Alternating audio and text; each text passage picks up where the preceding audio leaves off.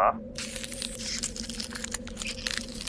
Chciałem powiedzieć, że witamy na początku sezonu, ale tak nie do końca, bo ten sezon właściwie rozpoczął się pod koniec października. Nie dla wszystkich, nie dla wszystkich, bo właściwie Alpejczycy tylko rozpoczęli. Marynie Gąsienicy Daniel jeszcze nie udało się rozpocząć e, sezonu. E, no ale my rozpoczynamy nasz e, trzeci sezon podcastu Halo Tu Zima. W tym sezonie sporo mówić będziemy oczywiście jak zazwyczaj o sportach zimowych. Ja nazywam się Mateusz Król i zapraszam Was serdecznie na ten pierwszy odcinek. Wyjątkowy odcinek, bo oprócz rozmów z gośćmi, którzy będą starali się trochę przewidzieć, co się będzie tej zimy działo, albo podsumować to, co się już wydarzyło, wyróżnić jakieś nazwiska znane, które coś fajnego osiągnęły, albo nas zawiodły. To taki nasz stały rytm e, e, Halotu Zima. Także dziś będą wypowiedzi od sportowców, którzy sezon rozpoczną w ten najbliższy weekend. Marcin Orłowski, trener e, Maryny Gąsienicy. Daniel na sam początek opowie trochę o tym, jak wykorzystali ten czas od października do prawie grudnia, do końca, do końca listopada, bo to Maryna w ten weekend wystartuje. Zresztą nie przedłużajmy, oddajemy głos Marcinowi Orłowskiemu. Halo, tu zima. A naszym gościem specjalnym nowego sezonu Halo tu Zima jest trener Maryny Gąsienicy Daniel Marcin Orłowski. Witamy serdecznie.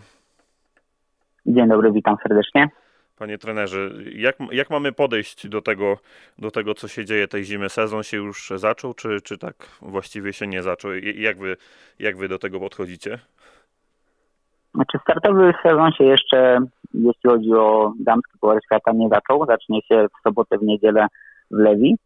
A niestety zaplanowane wcześniejsze zawody Zelden, mm, Czerwinia oraz Lech zostały odwołane właśnie z przyczyn kiepskiego, kiepskiej zimy, czy może późniejszej trochę zimy, bo mam nadzieję, że w końcu przyjdzie.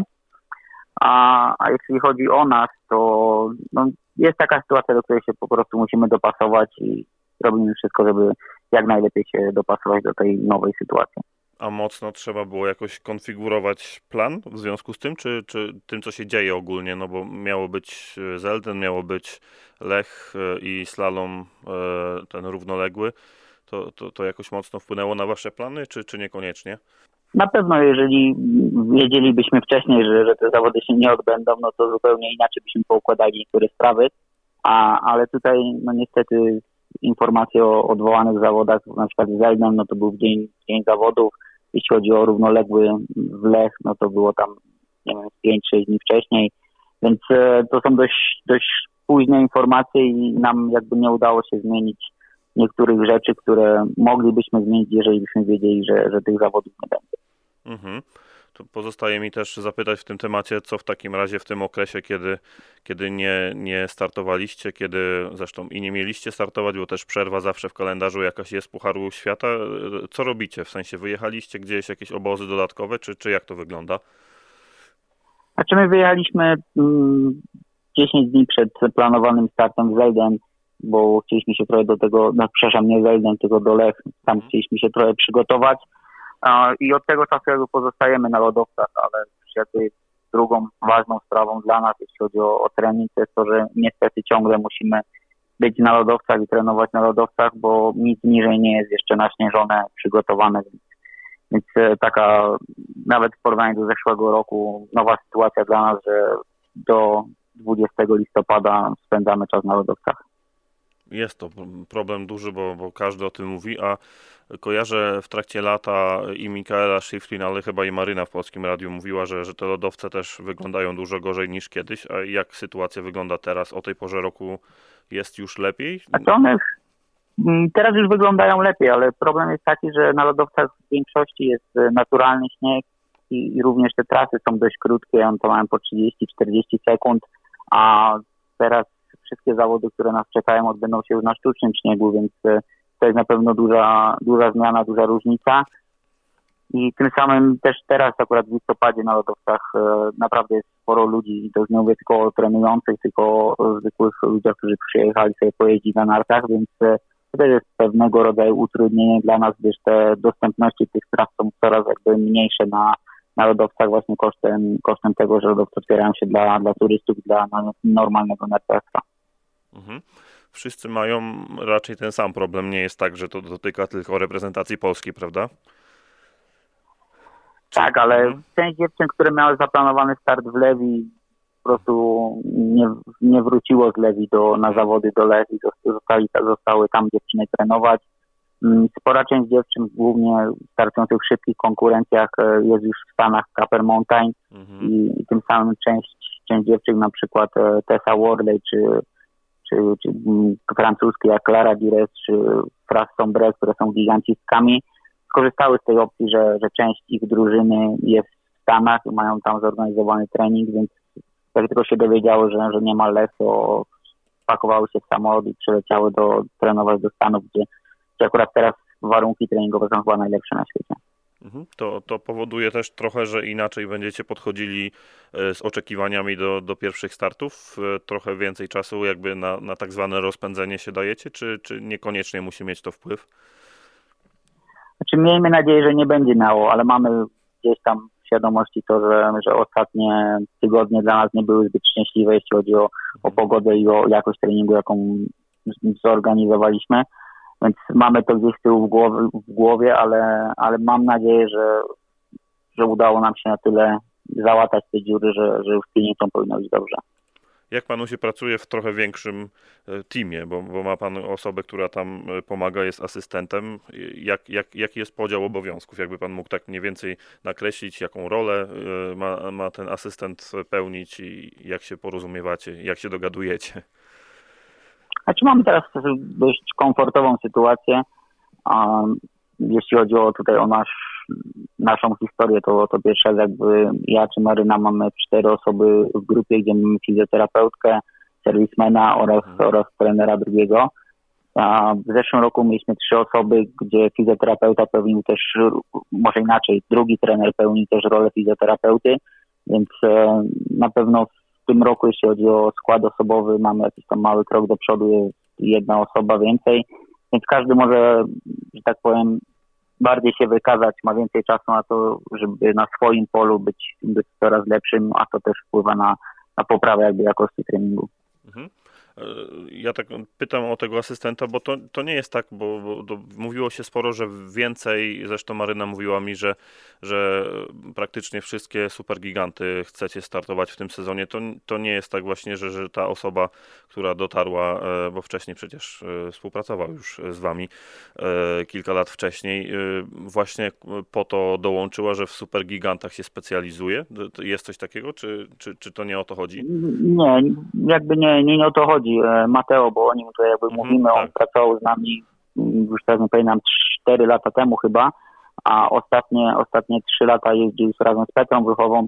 W tym sezonie zdecydował się, udało nam się, że, że wrócił do nas, ale, ale nie jest to jakby mm, zabieg tylko z myślą o supergigancie. Mateo jest znakomitym specjalistą, jeśli chodzi o techniczne konkurencje, więc e, na pewno jest coś takiego, że zawodnik potrzebuje nowych impulsów, nowych bodźców i jakby pewnego też świeżego spojrzenia. Ja z Maryną już pracuję ostatnie, nie wiem, chyba 10 czy 8 lat, Mhm. i więc e, mam tego świadomość, że, że trzeba coś zmieniać i trzeba coś poprawiać, żeby, żeby jakieś nowe, nowe bodźce wchodziły, więc e, tu jest akurat fajnie, że przyszedł z innej grupy, która była dość, dość wysoko, jak nie jedna z najlepszych na świecie i ma swoje spojrzenie, które, które mm, jakby przekazuje nam i jest to dla nas pewna, może niewielka, ale jakaś tam nowość, trochę inne spojrzenie, jakoś, jakiś powiew świeżości.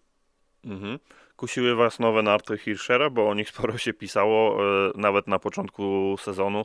Co mnie zaskoczyło, to wszedł nawet, e, weszła ta marka do skoków. Tak się zastanawiam, czy, czy sztaby... Do skoku? e, Tak, do skoków nawet weszli. e, Mistrz olimpijski Wellinger skacze na, na jego nartach, co, co, co jest trochę szokiem. On, on to dla mnie też, no powiem szczerze, że nawet nie wiedziałem. A, a jeśli chodzi o nas i, i o ten sprzęt, no to my pracujemy z Atomikiem, z którego jesteśmy bardzo zadowoleni. A jeśli chodzi o ogólnie jakby o, o tą nową markę, Mhm.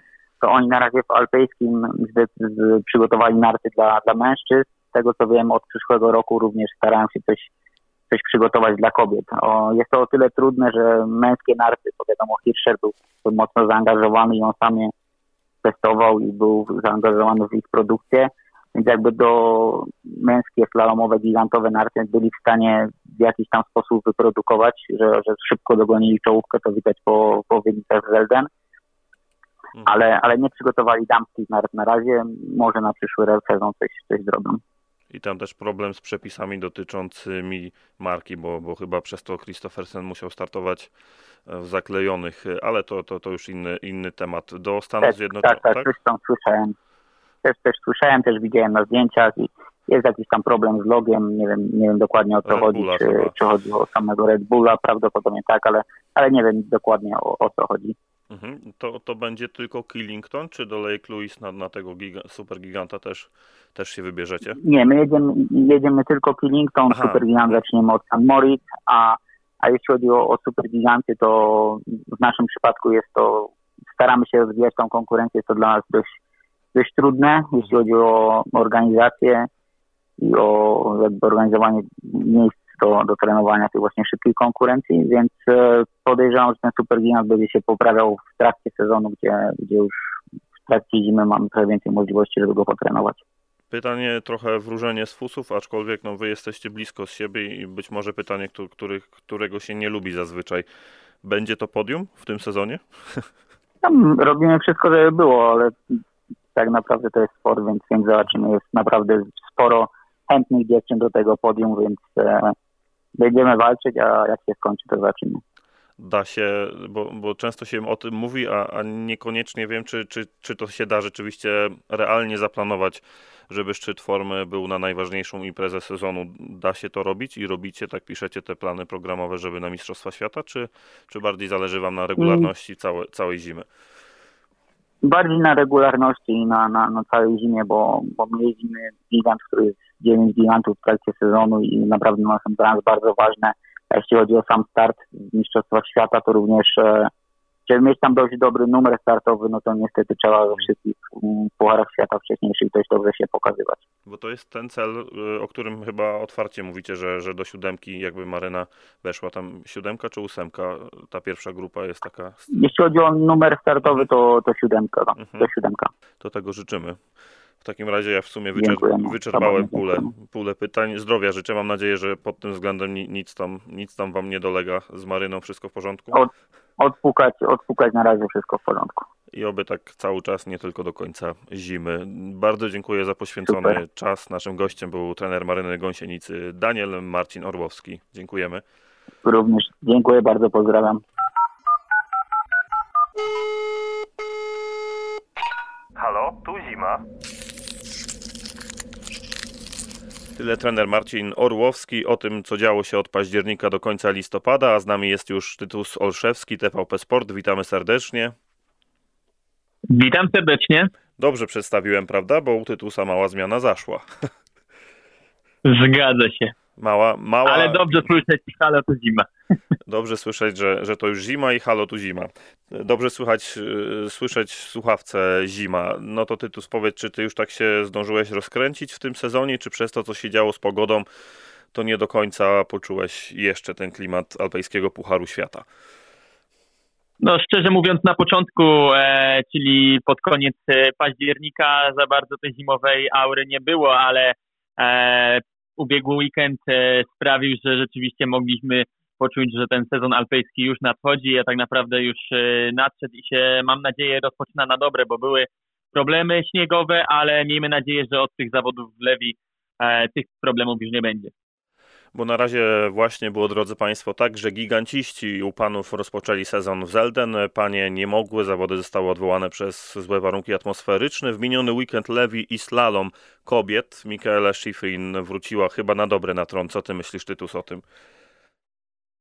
No tak, e, myślę, że tamten sezon olimpijski już e, poszedł w niepamięć i Mikaela jak za swoich, no nie starych, bo to już jeszcze niedawno dobrych czasów e, jeździ jak natchniona i no w Lewi nie było na nią równych. Próbowały, próbowała nawet próbowała Wendy Holzner, e, która walczyła o to pierwsze zwycięstwo, no i się znów nie udało. E, Mikaela jednak tym razem zamieniła się rolami, bo e, w zeszłym sezonie to Petra Blochowa dwa razy zwyciężała w Lewi, a tutaj e, Mikaela podwójnie zgarnęła renifery w Lewi.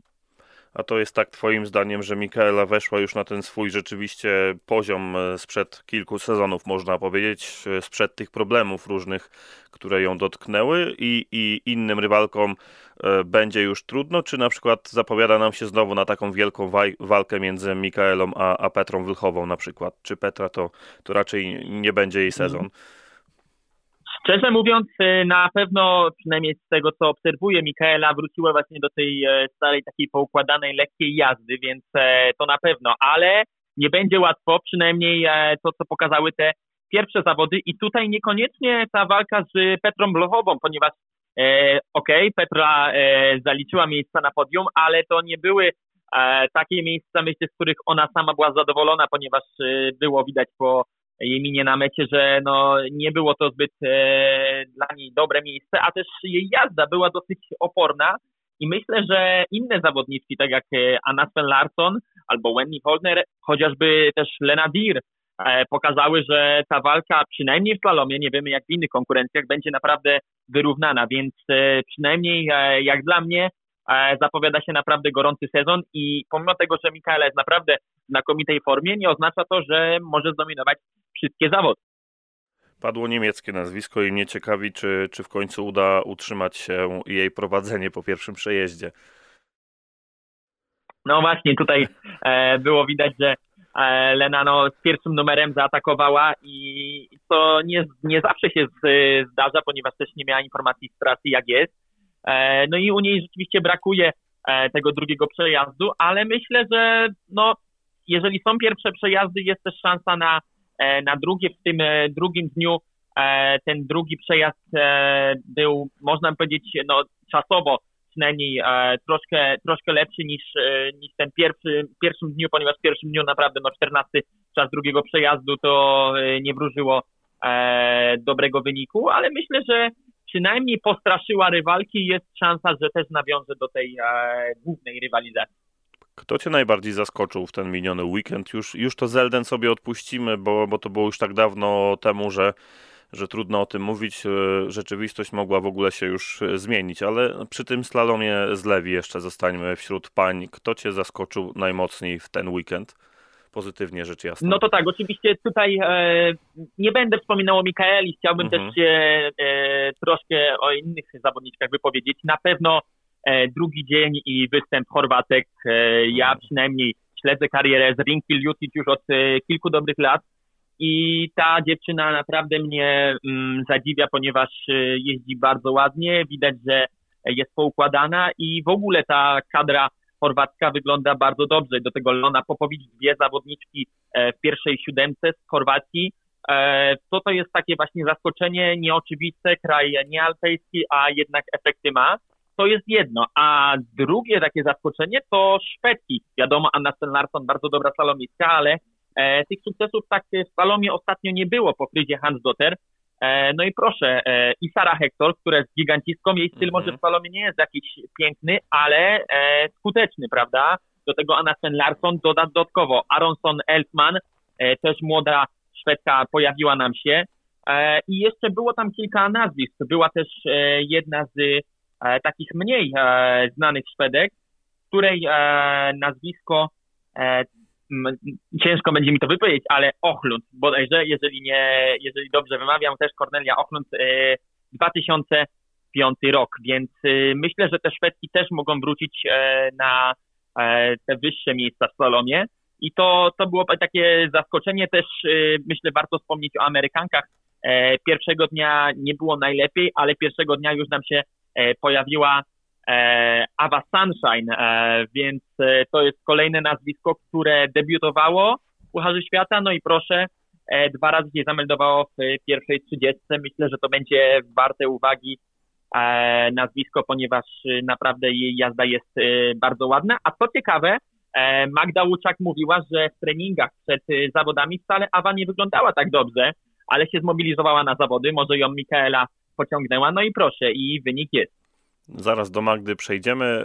E, takie negatywne. Właściwie rozczarowanie nie może być pozytywne, więc rozczarowanie. Patrzę sobie na, na te wyniki i tak trochę brakuje mi w tej czołówce y, trzech literek właśnie najczęstszych, albo przynajmniej kojarzy nam się zawsze ten kraj przecież z dobrymi wynikami, z bardzo mhm. dobrymi. AUT. Austria. Austria nie wygląda to najle- nie wyglądało to najlepiej. Katarina Linsberger, jeśli dobrze pamiętam, to ona po jakichś problemach chyba wraca, więc ona i tak tutaj jakoś się broniła, a, a reszta gdzie?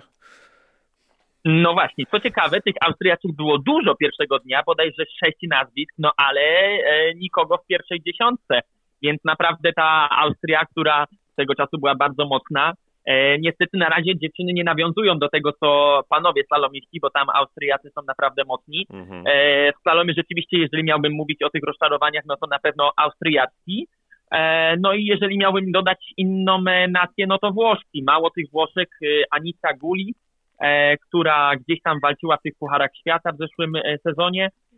No tutaj udało jej się wjechać, co prawda no 28 miejsce pierwszego dnia, ale jakieś punkty zdobyła i pierwszego dnia też słabo było z Francuzkami, ale drugiego dnia się e, zrehabilitowały i, i już wjechały do tej 30 w większej e, liczbie.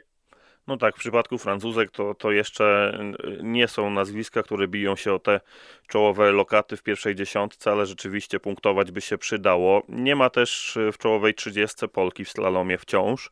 No i się zastanawiam, czy jeszcze długo poczekamy w Pucharze Świata na to twoim zdaniem, czy, czy Magdę Łuczak stać już na jazdę po punkty?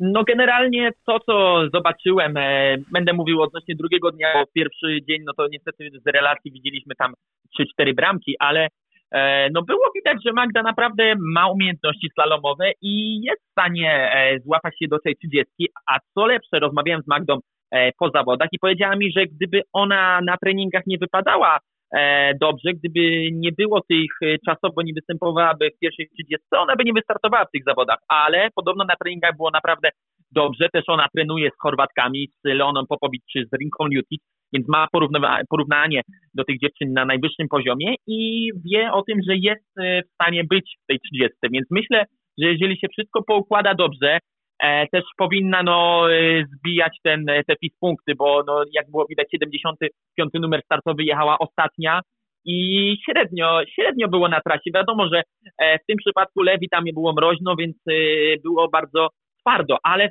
kiedy się natrafią zawody, gdzie będzie operowało słońce, już może nie być tak dobrze, więc myślę, że te puchary Europy czy jakieś takie lepsze fisy Mm, Magda powinna powalczyć o te punkty, żeby coraz wyżej, tak chociażby to zrobiła Lara Kolturi, ale myślę, że o niej też e, powiemy. Pewnie, pewnie, jak najbardziej. Nawet możesz już to zrobić. Jasne. No, Lara Kolturi to, e, jakby tu ją nazwać, to jest e, Włoszka z albańskim paszportem, córka Danieli Ceccarelli, czyli olimpijki, medalistki Igrzysk Olimpijskich. E, no to jest dziewczyna, która naprawdę do tego e, Pucharu Świata już e, puka od dawna, pomimo tego, że dopiero w tym roku może startować. No ona jest rocznik 06, czyli pierwszy, który może startować i już dużo wcześniej tak naprawdę ten sezon zaczęła. Pojechała do Ameryki Południowej, gdzie startowała w Pucharze Ameryki Południowej i tam zwyciężała, poprawiała PIS punkty i proszę, wystartowała z 53 numerem co zdecydowanie e, mogło jej ułatwić sprawę. No i nie najgorzej się zaprezentowała, bo tak naprawdę zabrakło jej trzech miejsc, bodajże dziewięciu setnych do awansu do 30, co byłoby naprawdę dużym osiągnięciem i ona to prędzej czy później zrobi. E, I pójdzie według mnie ślady Mikaeli Schifrin czy e, Janicy Kostelicz. E, nie wiem, czy będzie najmłodszą, ewentualnie, o, chyba już nie, jeżeli w kolejnych zawodach będzie punktowała, ale i tak no, ona jest prowadzona rzeczywiście po sukces i nie bez przyczyny e, jeździ teraz z albańskim paszportem, ponieważ e, no, we włoskiej kadrze nie miałaby szansy od razu w pierwszych zawodach, bo ona już miała startować z Zelden, się przebić do tej pierwszej kadry. Spory talent nam się szykuje do oglądania w kolejnych latach na pewno. Zresztą 2006 rok to ona ma jeszcze czasu, a czasu, żeby zaistnieć. Patrząc na to, jakie roczniki nam się przewijają w czołówce, to tak 9, 6, 7, 5, 8 No jest też 2002, ale, ale to są właśnie ewenementy, na które czekamy. Jeśli mówiliśmy przed chwilą o Magdzie Łuczak i o tym, że na razie w 30 Polki nie było, no to myślę, że, że w sobotę już w tym Pucharze Narodów w tym sezonie zaistniejemy, no bo Maryna Gąsienica-Daniel wkracza do gry.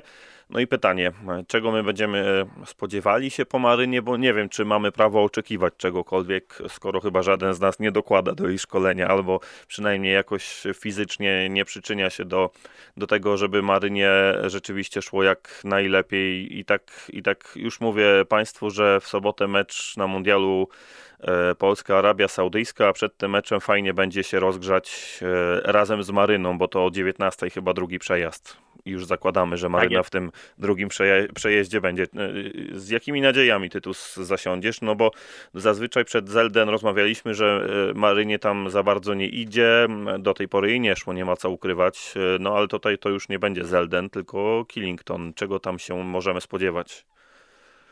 No, szczerze mówiąc, no, nie widzę innego przypadku jak miejsce w pierwszej dziesiątce, ale na pewno na cały sezon spodziewamy się tych e, wyższych pozycji. Myślę, że 7 i do góry. Dlaczego? Dlatego, że sama Maryna podkreśla, że będzie walczyć o to podium. To już nie jest dmuchanie balonika. Ona, e, tak jak mówiła przed e, w trakcie sezonu, który już się zaczął, że te przygotowania były na jeszcze wyższym poziomie, że przed Zelden czuła się jeszcze lepiej niż w poprzednich latach, więc no, ona sama wie, na jakim jest poziomie i na co ją stać.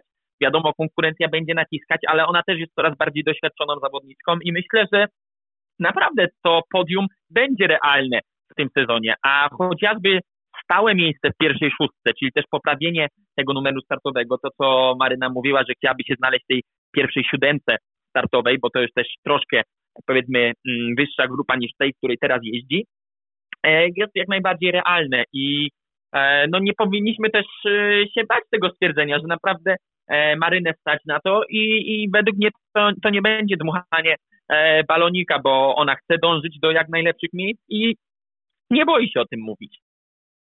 I bardzo dobrze, ale patrząc na to, w jakiej formie slalomowej na razie jest Michaela Schifrin, to, to wydaje się, że tu, że tu jest jedna z głównych kandydatek znowu pewnie i, i śmiało możemy o niej mówić. E, no i na pewno skoro w slalomie dobrze spisuje się Sara Hector, no to mistrzyni olimpijska chyba, chyba znowu będzie mocna, więc e, tutaj naprawdę e, trzeba będzie wspiąć się na wyżyny swoich umiejętności, żeby z tymi dziewczynami powalczyć.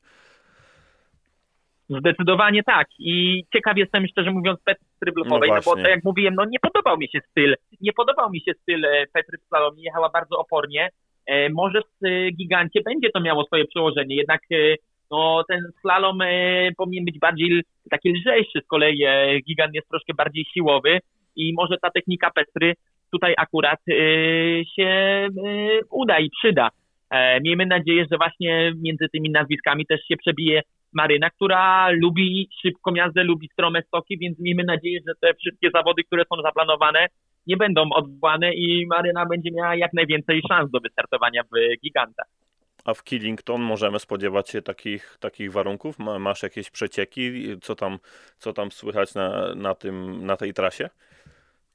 No, długo e, czekaliśmy właśnie na wieści z Killington. E, też e, przynajmniej ja i kilka innych osób się obawiało, że te zawody nie dojdą do skutku, ale no organizator, tak. organizatorzy zapewniali, że jeżeli przyjdą przymrozki, oni bardzo szybko zaśnieżą śnieg i tak naprawdę już ponad tydzień temu E, FIS stwierdził, że te zawody odbędą się zgodnie z planem, czyli e, znaczy to, że warunki e, na pewno sprzyjają. Oby nie było sytuacji jak w zeszłym roku, że był taki wiatr, że po prostu nie było szansy rozegrać zawodów.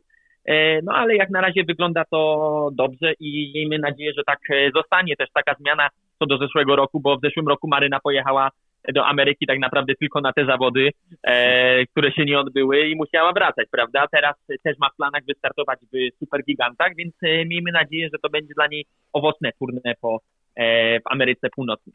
Będziemy przyglądali się oprócz e, slalomom gigantom, także super gigantom w tym sezonie, o czym Marcin Orłowski mówił, a przed chwilą e, podkreślił to raz jeszcze Tytus Olszewski z TVP Sport, któremu bardzo dziękujemy za wizytę. Na pewno będziemy się jeszcze w tym sezonie słyszeli i mówili o tym, co dzieje się e, w Alpejskim Pucharze Świata, a później na Mistrzostwach Świata. No to będzie długi sezon i na pewno nie mniej emocjonujący niż poprzedni. Dzięki Tytus, że wpadłeś. Dziękuję bardzo, pozdrawiam. Halo, tu zima. No i z narciarstwa alpejskiego przenosimy się do skoków narciarskich, dyscyplinie, która chyba tej zimy znów będzie nam przynosiła sporo radości, a emocji to, to już na pewno i o tym porozmawiamy sobie w naszym gronie redakcyjnym. Jest z nami redaktor naczelna sportsinwinter.pl Anna Felska. Dobry, dobry wieczór, witam wszystkich. Jest także Piotr Wojtaszczyk, sportsinwinter.pl również, witamy serdecznie. Cześć, witajcie. Na początek takie luźne pytanie mam do Was, czy, czy po pierwsze, czy dało się poczuć już te skoki na początku listopada, e, a jeśli się dało, to, to czy zostało to Wam przez te trzy tygodnie, Ania? E, powiem tak, przed Wisłą kompletnie nie czułam tego, że zaraz zaczyna się sezon. Myślę, że tak większość z nas miało, bo przez tą hybrydę e, igielitową, e, no to rzeczywiście ta atmosfera była całkiem inna, e, ale tak naprawdę te konkursy pozytywnie mnie zaskoczyły. Oczywiście na pewno lepiej jest, gdy ta aura zimowa jest widoczna na skoczni i, i poza nią i, i, to po prostu czuć wtedy klimat zimy, ale na pewno pod względem samej rywalizacji te zawody wzbudziły takie same emocje, przynajmniej u mnie, jak to, jak to jest taką już prawdziwą zimą. Także myślę, że to jest jakaś alternatywa na przyszłość i, i że fajnie, że te zawody w ogóle udało się rozegrać, e, no bo ten sezon jest dziwny, jest um, długi, e, no i też e, przez to, że trwają Mistrzostwa Świata w piłce nożnej, na pewno trudniej jest rywalizować sportom zimowym z piłką nożną. No właśnie, o tym się, o tym się przekonamy dokładnie dokładnie w ten weekend już, a, a, ale to raczej, to raczej pewne. No, trzeba było ustąpić przede wszystkim, dlatego wrócę oglądać zawody będziemy rano. Piotr, nie wiem, czy się zgodzisz z tym, ale trochę jest taka różnica między latem a tym, co widzieliśmy w Wiśle, że i szybciej robiło się ciemno, tak jak zimą. E, no i też więcej kibiców na skoczni. No i te nazwiska, dzięki którym rywalizacja była ciekawsza, o czym Ania mówiła, spowodowały to, że trochę jednak było czuć, że to już sezon zimowy się zaczął. Czy, czy nie do końca się z tym zgodzisz? Tak, no ja się zgadzam i uważam też, że mimo moich wielkich wątpliwości co do tego pomysłu, no bo jednak pomysł co najmniej dziwny, nie da się ukryć i, i tutaj decyzje władz skoków e, lekko kontrowersyjne w tym wypadku, ale rzeczywiście coś tutaj oddało. Nie wiem, czy to przez dobrą formę e, Kubackiego i po prostu tego, że wygrał i po prostu przyjemnie mi się oglądało te zawody, ale czułem pierwszy raz od bardzo dawna atmosferę taką skoków, e, jaka towarzyszyła e, kiedyś tym zawodom i przede wszystkim odczuwałem takie emocje, e, które odczuwa ktoś, kto kocha jakiś sport. No, fanów, fanów skoków w Polsce jest bardzo dużo. Mm, opinie też znam różne tutaj, mogę od swojej rodziny nawet powiedzieć, że po prostu im się to też podobało. Ja jestem zdziwiony tym, że ten pomysł na pewno tak się dobrze przy, przyjął e, w środowisku skoków. E, z jednej strony się cieszę, e, z drugiej strony martwi mnie trochę wizja włodarzy o mm, wydłużeniu całego sezonu na, na tak jakby cykl roczny, ale do tego jeszcze daleka droga. I, I zobaczymy. No na razie jestem na tak. Mhm. Jeżeli to się będzie rozwijać w takim kierunku, e, że miałoby to trwać przez cały rok, wtedy jestem na nie. Okej, okay, ja też jakieś miałem wątpliwości przy okazji tego, ale wydaje mi się, że, że to się sprawdziło i, i patrząc na to, co się dzieje w klimacie i na świecie, to, to rzeczywiście może być przyszłość. Co do tych terminów, o których ty mówiłeś, rozciągnięcia tego na cały rok, jakoś przekonany też nie jestem. Nie wiem, czy to dla skoków e, się sprawdzi, ale no, pożyjemy, zobaczymy. Dawid Kubacki. Dawid Kubacki tam roztrzaskał wszystkich i, i się zastanawiam, czy to było jakieś wielkie zaskoczenie, czy czy niekoniecznie, no bo, no bo typowania były różne. Wiadomo, że po każdym sezonie yy, przed kolejnym wskazuje się na tego, który zdobył kryształową kulę, no chyba, że odpukać jakaś kontuzja się przytrafi, ale tu Ryoyu Kobayashi oprócz Dawida Kubackiego to było chyba najczęstsze nazwisko, a a, a Dawid jednak pokazał, że i właśnie tu jest pytanie kluczowe, będzie mocny dalej i czy, czy bardziej to było przeniesienie tej formy z lata, która może gdzieś za chwilę uciec, Ania? Ja oczywiście myślę, że Dawid będzie się liczył przez całą zimę. To już jest tak doświadczony zawodnik i też już utytułowany. To nie jest y, tak, że on zaczął wygrywać y, znikąd, tak?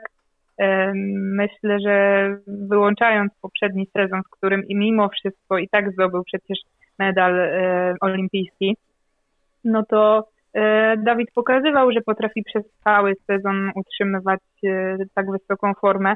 Dlatego też nic nie wskazuje na to, żeby na razie póki co ta forma miałaby gdzieś magicznie ulecieć w trakcie sezonu. Także ja obstawiam, że będzie mocny przez całą zimę i na pewno będzie walczył się, walczył o tą czołową y, trójkę klasyfikacji generalnej Pucharu Świata, mimo że ten sezon jest tak długi. E, no to myślę, że na pewno będzie się liczył. E, czy będzie takim dominatorem jak w tych dwóch pierwszych konkursach z Wiśle? Myślę, że o to będzie na pewno bardzo trudno, bo to, tak jak mówisz, to dopiero początek e, sezonu, także ciężko wróżyć sposób. E, ja powiem szczerze, że wierzyłam w to, że Dawid zacznie z tak wysokiego Mhm. poziomu, bo widzieliśmy to, e, co robił e, we wrześniu czy w październiku. No, mimo wszystko w naszej redakcji, tworząc tekst o naszych typach, faworytach sezonu, to gdzieś mimo wszystko wszyscy gdzieś tam bardziej upatrywali szans Ryoyu Kobayashiego, E, no ale myślę, że to też przez to, że gdzieś tam my mamy taką naturę, żeby, żeby nie zapeszać I, i stąd się to wzięło. Ja myślę, że mimo wszystko Rioju nie będzie w tak dobrej formie jak w zeszłym roku.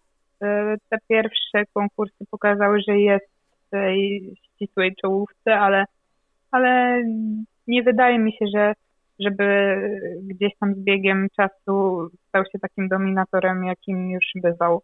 E, także ja wierzę w Dawida i wierzę w to, że będzie, będzie skakał na wysokim poziomie przez cały sezon i oczywiście, że e, gdzieś tam inni zawodnicy z naszej drużyny się w to włączą. E, też przepraszam, ale powrócę jeszcze do tego, co Piotr mówił e, w kontekście tego, że pierwszy raz rzeczywiście mogliśmy od ponad roku poczuć takie emocje No podczas tak. oglądania konkursu w Wiśle, bo wiadomo, że ubiegły sezon był męczący dla nas wszystkich, nie tylko dla skoczków, ale też dla nas jako kibiców.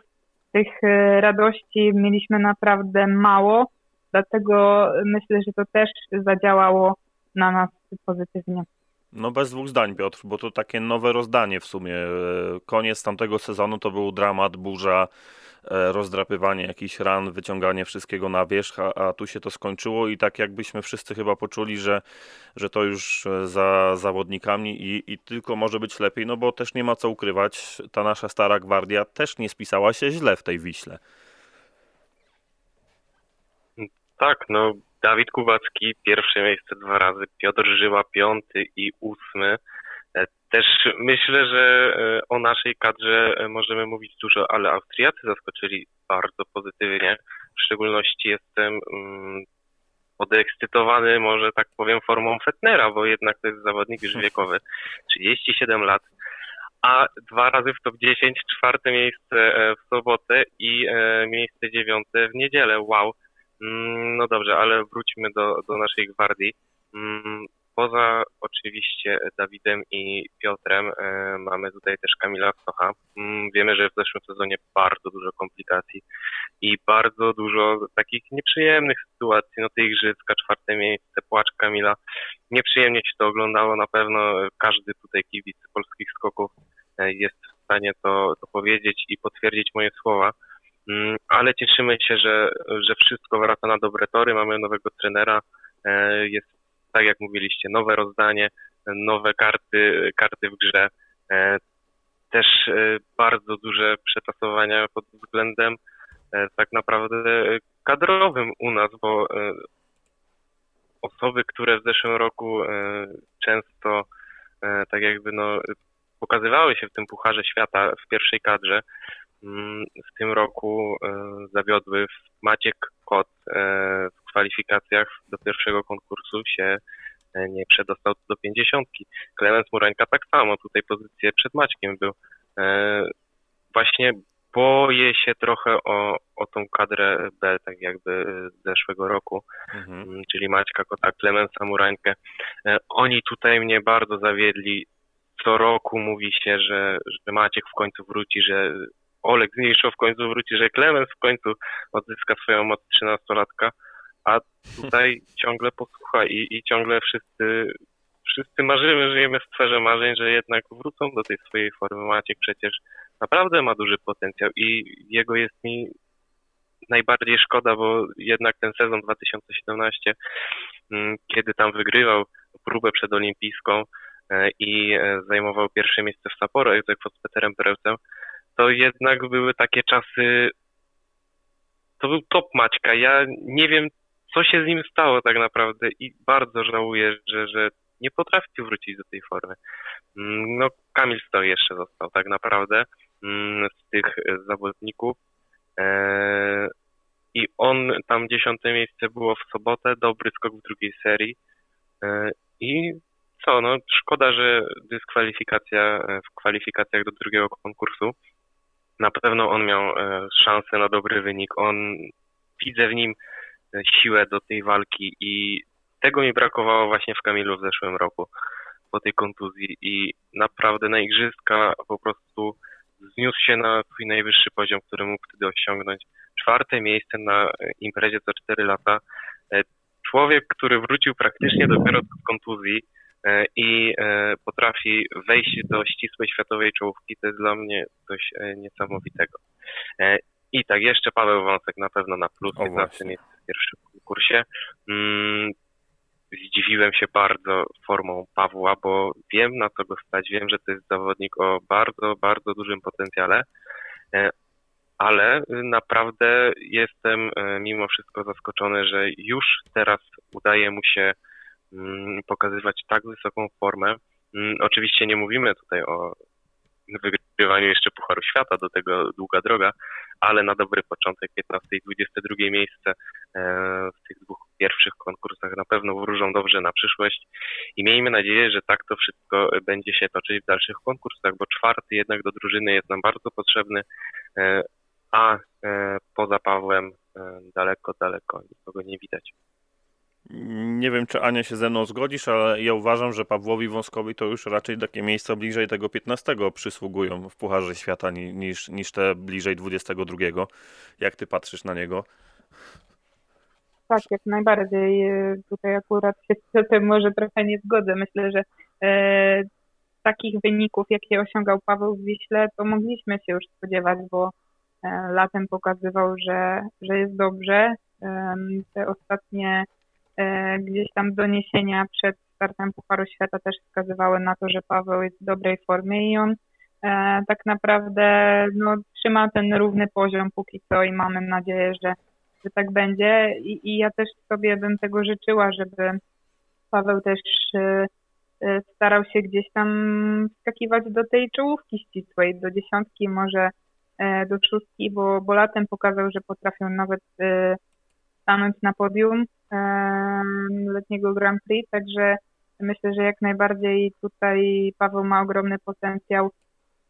Mam nadzieję, że to też jest tak widać w nim dużą zmianę pod takim względem, że wydaje mi się, że w poprzednim sezonie w wywiadach gdzieś tam był troszkę nieco wycofany, e, mhm. tak jakby troszkę nie wierzył w swoje możliwości, a teraz wydaje mi się, że nowy trener sprawił, że on, on buduje tą pewność siebie, i, i, rzeczywiście zaczyna wierzyć w to, że może do tej czołówki e, już tutaj zawitać w niedługim e, czasie. To taka podobna sytuacja do tej, kiedy kadrę objął Stefan Horngacher i Maciek Kot zaczął, wydaje mi się, tak budować tą pewność siebie, bo wierzył, że w końcu to jest trener, który, który mu pomoże. I też wydaje mi się, że, że, że najbardziej na tej zmianie takiej mentalnej, y, kadrowej, e, właśnie skorzystają tacy zawodnicy jak Paweł, bo on gdzieś tam w ubiegłym sezonie, gdzie ta nasza kadra wrzała, że tak powiem, od tych emocji wszystkich i tego, co się działo w planicy, on pozostawał gdzieś tam na uboczu, bo wydaje mi się, że to bardzo przeżywał i starał się nie wchodzić w te takie przepychanki. Mm, I rzeczywiście to jest dla niego dobre e, nowe rozdanie. I też bardzo podoba mi się to, że ten sztab nowy, nasz szkoleniowy, e, zaczął dbać o tą sferę mentalną i dołączył do naszej kadry też psycholog.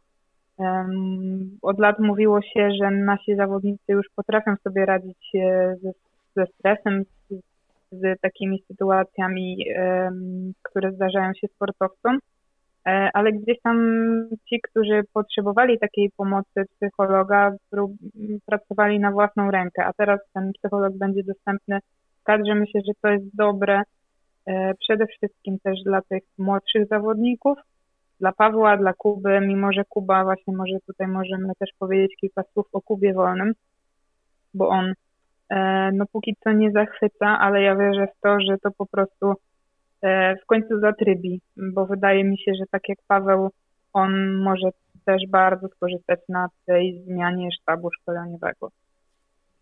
Okej, no właśnie, Kuba nie najlepiej wypadł w Wiśle, ani razu nie udało mu się zdobyć punktów, choć, choć y, no, końcówka, końcówka może y, przygotowań i, i gdzieś tam mogła jakieś wątpliwości y, wlewać, ale, ale wydaje się, że, że Kuba zresztą pokazywał to nieraz, jest w stanie w, w ciągu sezonu gdzieś tam się odbudowywać. Ja tak, jak mówiłaś o Stefanie Horngacherze, to ja miałem z kolei takie wrażenie, że to właśnie Kuba wtedy zyskał najwięcej takiej pewności siebie i gdzieś tam został e, wyciągnięty, a przynajmniej Stefan starał się gdzieś w sezonie 18-19 tak mocno na niego stawiać. E, e, Mówiliśmy wtedy o tej e, drużynówce w Zefeld, e, że byłby chyba dobrym zawodnikiem numer 4 do naszej e, kadry i też te miejsca w czołowej dziesiątce i świetne loty przede wszystkim wtedy, więc Kuba rzeczywiście wtedy pokazał, że, że jest w nim przyszłość i oby, to, co stało się na początku sezonu, y, już się później nie powtarzało. No to krótko na koniec, bo, bo czas nam trochę uciekł. Y, Te trzy tygodnie, co mogą zmienić w czołówce? To znaczy, więcej obaw jest o to, że te trzy tygodnie y, u ciebie, Ania, wytrąciły kogoś z równowagi, czy wręcz przeciwnie, one mogły spowodować, że ktoś polepszył e, formę. Mówię o tej czołówce, która była czołówką w Wiśle i to nie tylko w przypadku polskich zawodników.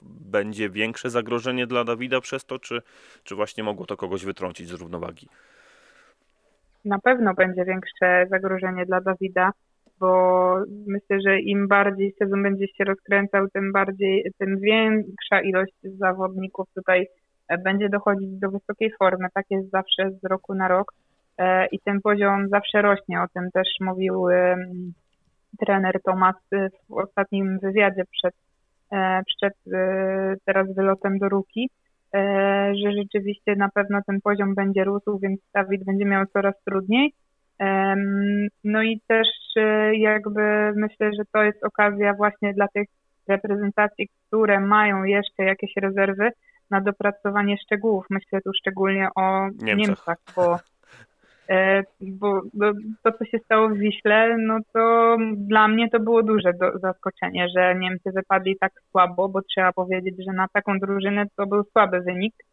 E, dlatego myślę, że oni tutaj głównie mogli na tym skorzystać, tym bardziej, że też gdzieś czytałam, e, że to oni właśnie najwięcej trenowali w tej przerwie. E, Tylko to też wiadomo, jak to czasami działa, bo gdy e, przychodzi taki stres, że coś jest nie tak, e, zaczyna się kombinowanie i szukanie na siłę, e, na siłę prób, próbowanie dogonić tej czołówki, to też czasami działa w odwrotną stronę. Też mam wrażenie, że właśnie u nas zdarzyło się to tak e, troszkę w ubiegłym sezonie, taka sytuacja, więc zobaczymy, czy Niemcy rzeczywiście poradzą sobie w tej sytuacji i odrobili jakąś tam lekcję przez te trzy tygodnie. No, czy, czy jednak to zadziała w drugą stronę? Myślę, że jednak e, Stefan Horngacher tutaj jest na tyle już doświadczony, że że jednak nie dopuści do takiej sytuacji, ale rzeczywiście to, co z Niemcami się wydarzyło w tych pierwszych zawodach jest ciekawe. A co do innych reprezentacji, no Austria, tak jak już Piotr wspominał, e, wypadła bardzo dobrze, mimo tej kontuzji Hubera, którego e, no, na razie nie zobaczymy na skoczni. E, To rzeczywiście myślę, że to jest główny, jako drużyna główny faworyt e, do wygrania w tym sezonie Pucharu Narodów zdecydowanie. No to Piotr, na koniec w kim ty widzisz i w której reprezentacji powinniśmy szukać największego rywala Dawida Kubackiego? Mam nadzieję, że w reprezentacji Polski. no tak, no ja, ja jestem optymistą w stosunku do Kamila Stocha. Ja naprawdę wierzę cały czas, że on wygra w tym roku jeszcze ten konkurs, że podtrzyma tę pasę wygrywania co roku chociaż jednego konkursu. Ten sezon był gorszy, mam nadzieję, że się odbije, ale tak poza Kamilem, mm, no to na pewno e, mocny będzie Lindwik, Kraft, e, tutaj Austriacy, tak jak Ania mówiła, Norwegowie, mm, no nie i zapominajmy też o Piotrze, o Piotrze Żyle, tak? Bo oni Tak, chyba tak, ani tak. słowa nie powiedzieli. Piotrek super, piąte, ósme miejsce e, w Wiśle i jeżeli się nie, nie podpali trochę, e, to rzeczywiście może mieć bardzo dobre wyniki. E, No i oczywiście nie można zapominać o Kobayashim, e, oczywiście o Rioju. Mm, Tutaj e, mimo tych słabszych wyników trochę w Wiśle, ja myślę, że on właśnie może być tym, który potrzebuje, potrzebował tych trzech tygodni do Mhm. e, popracowania nad swoją formą, formą e, do wyrobienia sobie tych nawyków mm, takich startowych typowo e, i po prostu do e, nauczenia się na nowo skakania właśnie mm, w tym reżimie startowym. No i, i tyle chyba. No nie, nie widzę tutaj, żeby mm, w ciągu tych trzech tygodni zaszły jakieś drastyczne zmiany. Nie wydaje mi się, żeby doszło do takich, do takich przetasowań aż bardzo. Chociaż też e, nie wiem, Andrzej Niszek w pierwszym konkursie trzecia dziesiątka, w drugim konkursie drugie miejsce. Wszystko jest możliwe i e, trudno tak mówić, ale, ale mówię, że e, na pewno liczę na Kamila Stocha, na Ryoyu Kobayashiego. Tutaj za głosem Ani na Piotrka Żyłę. No i Austriacy, tak. To myślę, że tutaj możemy liczyć jako grono faworytów. Okej, a ja od siebie dorzucę takie pewne nazwisko, które widzę w czołówce i może mocno zagrozić Dawidowi. To Halvor Egner Granerud i, i w sumie, i w sumie na, na tym tylko poprzestanę, bo, bo myślę, że, że ustabilizowanie w jego przypadku tego, co się działo, może, może nastąpić mocniej i, i ten sezon może znów być jego, jeśli nie Dawida. O tak, o tak, żeby pozytywnie jakoś zakończyć. O skokach narciarskich rozmawiali ze mną Anna Felska, sportsinwinter.pl. Dzięki bardzo. Dzięki i do usłyszenia. I Piotr Wojtaszczyk, sportsinwinter.pl. Dzięki bardzo. Cześć, dzięki, trzymajcie się. I czas na biegi narciarskie, szybkie przygotowanie do sezonu. Halo, tu zima. No to czas na biegi narciarskie w zupełnie innym wydaniu. Dziś w Halo tu zima, to dlatego, że głos oddajemy tym, którzy startować będą. Dzięki materiałom Polskiego Związku Narciarskiego mamy taką możliwość, aby Państwu przekazać, co mówiła między innymi Izabela Marcisz przed tym sezonem. Sami posłuchajcie. No, myślę, że jest duża e, ekscytacja e, związana z początkiem sezonu. E, no tak, te pierwsze testy, można powiedzieć, że to były testy w ten weekend w Finlandii, no pokazały, że trzymam poziom. E, no i tak jak mówię, no jestem trochę podekscytowana, co to będzie na, na tym Pucharze Świata. Na pewno są, oczekiwania są z roku na rok coraz większe i e, tak jak w zeszłym roku walczyłam o top 30, tak w tym roku już naprawdę myślę, że powinnam być w tej top 30 i, i tam zostać. Mm, ale mam takie poczucie spokoju, że, że chcę podejść do tego sezonu spokojnie, już bez jakichś większych e, takich e, e, szarpiących mną emoc, emocjami. Mm, no i myślę, że, że tak będzie najlepiej. No, z roku na rok te, te, te odczucia już są inne. To doświadczenie jest coraz większe, z czego bardzo się cieszę. No i ten zeszły rok e, faktycznie dużo nauki mi dał. E, Pokazał bardzo wiele, przede wszystkim Igrzyska e, Olimpijskie, no to Tam te, te, tych startów było bardzo dużo i myślę, że dało mi to ogrom wiedzy. I z takim doświadczeniem chciałabym rozpocząć ten, ten sezon, przygotować się do głównej imprezy, bo to jest główny cel, żeby tam postartować Mistrzostwa Świata U23 w Kanadzie, Mistrzostwa Świata w Planicy. Mm, no i, i, dążyć, no, dążyć do tego celu. Plan jest ułożony pod główne imprezy. Tak zawsze było, jest e, i myślę, że zawsze będzie. Mm, no ale gdzieś tam pewien poziom trzeba trzymać. E, zawsze, zawsze tak było, jest i będzie. E, ale no, kalendarz jest tak ustawiony, że, że jednak e, z tą główną formą trzeba trafiać na, na główne imprezy. Cześć, z tej strony Izabela Marcisz. Chciałam Was bardzo serdecznie zaprosić do wspólnego kibicowania, trzymania kciuków, bo będzie nam to bardzo potrzebne. Tyle Izabela Marcisz. Czas do drugiej osoby, która w kadrze polskiej coś znaczy zdecydowanie, a więc naszej medalistki również Mistrzostw Świata Juniorów e, i Mistrzostw Świata Młodzieżowców, Monika Skinder. No myślę, e, że wyciągnęliśmy pozytywne wnioski z tych startów. Weszliśmy też w nie, można tak powiedzieć, ciężkiego treningu, więc e, jestem zadowolona, że właśnie jest to przetarcie, że mogliśmy zobaczyć mniej więcej, e, porównać się do innych zawodników, więc e, patrzę pozytywnie w kierunku kolejnych startów. No oczywiście mam nadzieję, że dobrze zaprezentujemy się na Mistrzostwach Świata U23, bo jest to nasz główny cel w tym sezonie. E, Ze względu, że w tamtym roku udało mi się zdobyć tam srebrny medal, więc e, poprzeczka jest wysoko postawiona, że tak powiem. I Mistrzostwa Świata Seniorów w Planicy e, też myślę, że no, pojedziemy tam i będziemy chcieli się dobrze zaprezentować. No tak, e, było e, dobrych, e, kilku, no, dobrych kilka zawodniczek właśnie w Finlandii startowało z nami, więc myślę, że dobrze wypadliśmy też jako grupa, więc mam nadzieję, że dobrze zapowiadamy się na ten sezon, ale tak jak mówię, to też pierwsze zawody, jeszcze z treningu weszliśmy, więc to nie jest jeszcze to, na co nas stać. No to jeszcze dwie osoby z kadry męskiej, absolutnie nie dlatego, że e, wybieramy i jakoś kogoś faworyzu- faworyzujemy, ale to dlatego, że te osoby, które w ostatnich e, sezonach najwięcej punktów przynosiły w męskiej kadrze, to oczywiście Maciej Starenga, autor najlepszego wyniku męskiego w biegach narciarskich na igrzyskach. E, Posłuchajcie, co ma do powiedzenia przed tym sezonem. Myślę, że ten test był dość pozytywny dla nas.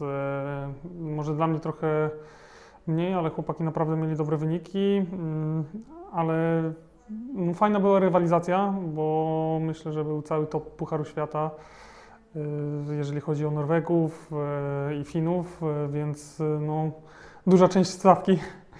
No i wypadliśmy w miarę pozytywnie i w jakiś sposób zdaliśmy, mm, mam nadzieję, ten test i zyskaliśmy pewność siebie, że jednak jesteśmy w dobrym miejscu i z tego jestem zadowolony. Mm, No, ja po prostu kocham biegi narciarskie, więc e, aż tak bardzo nie muszę szukać tej motywacji, bo naprawdę sprawia mi frajdę to, co robię i czerpię dużo satysfakcji z tego. Mm, Wiadomo, że wyniki też są ważne, bo to jest e, sól e, tego wszystkiego. i Jak są świetne wyniki, to ta motywacja jest 10 razy większa, ale, ale też trzeba umieć wyciągać wnioski z tych porażek i też to przekuwać trochę na taką nauczkę i, i w, w taki sposób, żeby wiedzieć, co następnym razem zrobić, żeby jednak ten wynik był lepszy. Więc y, no, mimo wszystko, że jestem już 11 lat w tym Pucharze Świata, to tej motywacji mi nie brakuje. A myślę, że też może na to wpływ mieć, y, mogą mieć ludzie dookoła, atmosfera w grupie i też, że zawodnicy młodsi ode mnie też potrafią mnie zmotywować do tego, że, żebym jednak dawał z siebie jeszcze więcej. Zresztą już widać na Mistrzostwach Polski, że jeżeli chodzi o, na tych dystansach, no to, to nie jest mi wal, łatwo walczyć o medal. Jeszcze w sprincie daję sobie radę, ale myślę, że trochę więcej e, ludzi na lepszym poziomie już e, mamy u nas w Polsce. Wiadomo, nie jest to jeszcze mm, top e, taki, żeby zdobywać medale Pucharu Świata czy tam e, Mistrzostw Świata i Igrzysk Olimpijskich, ale myślę, że krok po kroku może będziemy zmierzać w tym kierunku. Wymarzona pozycja to jakbym znowu kolejny raz e, udało mi się w tym sprincie wejść e, do półfinałów, czyli ta pierwsza dwunastka, pierwsza dziesiątka. No to są takie wyniki, które bardzo mnie cieszą. No, jednak być w dziesiątce w Pucharze Świata to już najwyższy poziom i widać, że wtedy rywale też e, coraz bardziej Cię doceniają i zwracają na Ciebie uwagę. No i to myślę jest taki gol na ten sezon. Mm, Przez dwa lata miałem, czy przez trzy lata nawet miałem przestój od tych dziesiątek w Pucharze Świata. W tamtym roku mi się udało wrócić, więc e, przypomniałem sobie to fajne uczucie i mam nadzieję, że w tym roku uda mi się to powtórzyć. Cześć, zapraszam wszystkich do kibicowania nam zawodnikom z biegów narciarskich e, w, na zawodach Pucharu Świata. Wy kibice, no to e, jesteście dla nas największym wsparciem i największą motywacją i dajecie nam największą radość, jeżeli możemy swoimi wy, wynikami odwdzięczyć się Wam. No i człowiek, który już pokazał także, że na dystansach jest w stanie sporo punktów zdobywać, to Dominik Bury, który błysnął formą na przedsezonowych zawodach w Młonio w Finlandii. Szóste miejsce w dość silnie obsadzonej stawce. Ym, Czuję się dobrze, czuję się w dobrej dyspozycji. Ym, Na zawodach było czuć troszkę zmęczenie, szliśmy w zasadzie z pełnego treningu zawody. Ym, Był to poniekąd taki test, ale świadomy. Myślę, że trener wszystko zaplanował, ym, żeby było tak jak, jak najlepiej na Puchar Świata. No i dzi- na ten moment czuję się dobrze, a chciałbym, żeby, żeby to było pokazane y, za dwa tygodnie na Pucharze Świata. Jak nie za dwa tygodnie, to przynajmniej na, na każdym kolejnym. Chciałbym bardzo często kręcić się w top 30 Pucharu Świata. Czasami chciałbym nawet y, 20, przy dobrych wiatrach 15, ale główny ym, cel to jest po prostu Mistrzostwa Świata w Planicy i tam pokazać się z jak najlepszej strony, szczególnie w biegu na 15 km łyżwą. No powiem, że no, troszkę jednak różnimy się od, od e, snowboardu, od alpejstwa. My mm, mamy dyscyplinę stricte wytrzymałościową, tak? Nie da się być cały sezon w top formie, nie? Więc musimy wyselekcjonować, co chcemy zrobić, co spróbujemy zrobić, wybić formę na Mistrzostwach Świata, to jest główny cel, ale wiadomo, że chcemy prezentować się i, i mieć dobrą dyspozycję cały sezon, nie? Myślę, że tutaj dla mnie kluczowe też będzie Tour de Ski, tam chciałbym się zaprezentować bardzo dobrze. Yy, Chciałbym pobiec lepiej niż w moich poprzednich sezonach. Ale wiadomo, że to jest wszystko to jest droga do, do Mistrzostw Świata. Sezon Pucharu Świata już bez Teresy Jochałk rusza jutro, w piątek konkretnie. Od sprintów e, wrócę, później m, biegi na 10 km mężczyzn w sobotę, na 20 km w niedzielę, albowiem ważna informacja taka, że od tego sezonu w Pucharze Świata dystanse wyrównane, na Mistrzostwach Świata będzie po staremu, no ale wkrótce być może zostanie i tam to wszystko potwierdzone. Jeśli nie wiecie, jakie zmiany zaszły, a zmiany zaszły także w, w punktowaniu w Pucharze Świata w biegach narciarskich, no to zajrzyjcie na sportsinwinter.pl. Tam e, Gabriela Koziara napisała o tym, co będzie nas czekało tej zimy w biegach narciarskich. Jutro rusza także kombinacja norweska, na pewno będzie czas porozmawiać, bo i tam bez e, Szczepana Kupczaka już Andrzej Szczechowicz liderem naszej kadry. M, Wszystko rusza, wrócę na dobre, narciarstwo klasyczne, absolutnie będziemy się tym emocjonowali. Zaglądajcie na sportsinwinter.pl. Ja nazywam się Mateusz Król, dziękuję Wam za ten pierwszy odcinek, e, no i udanej zimy Państwu życzę. Halo, tu zima.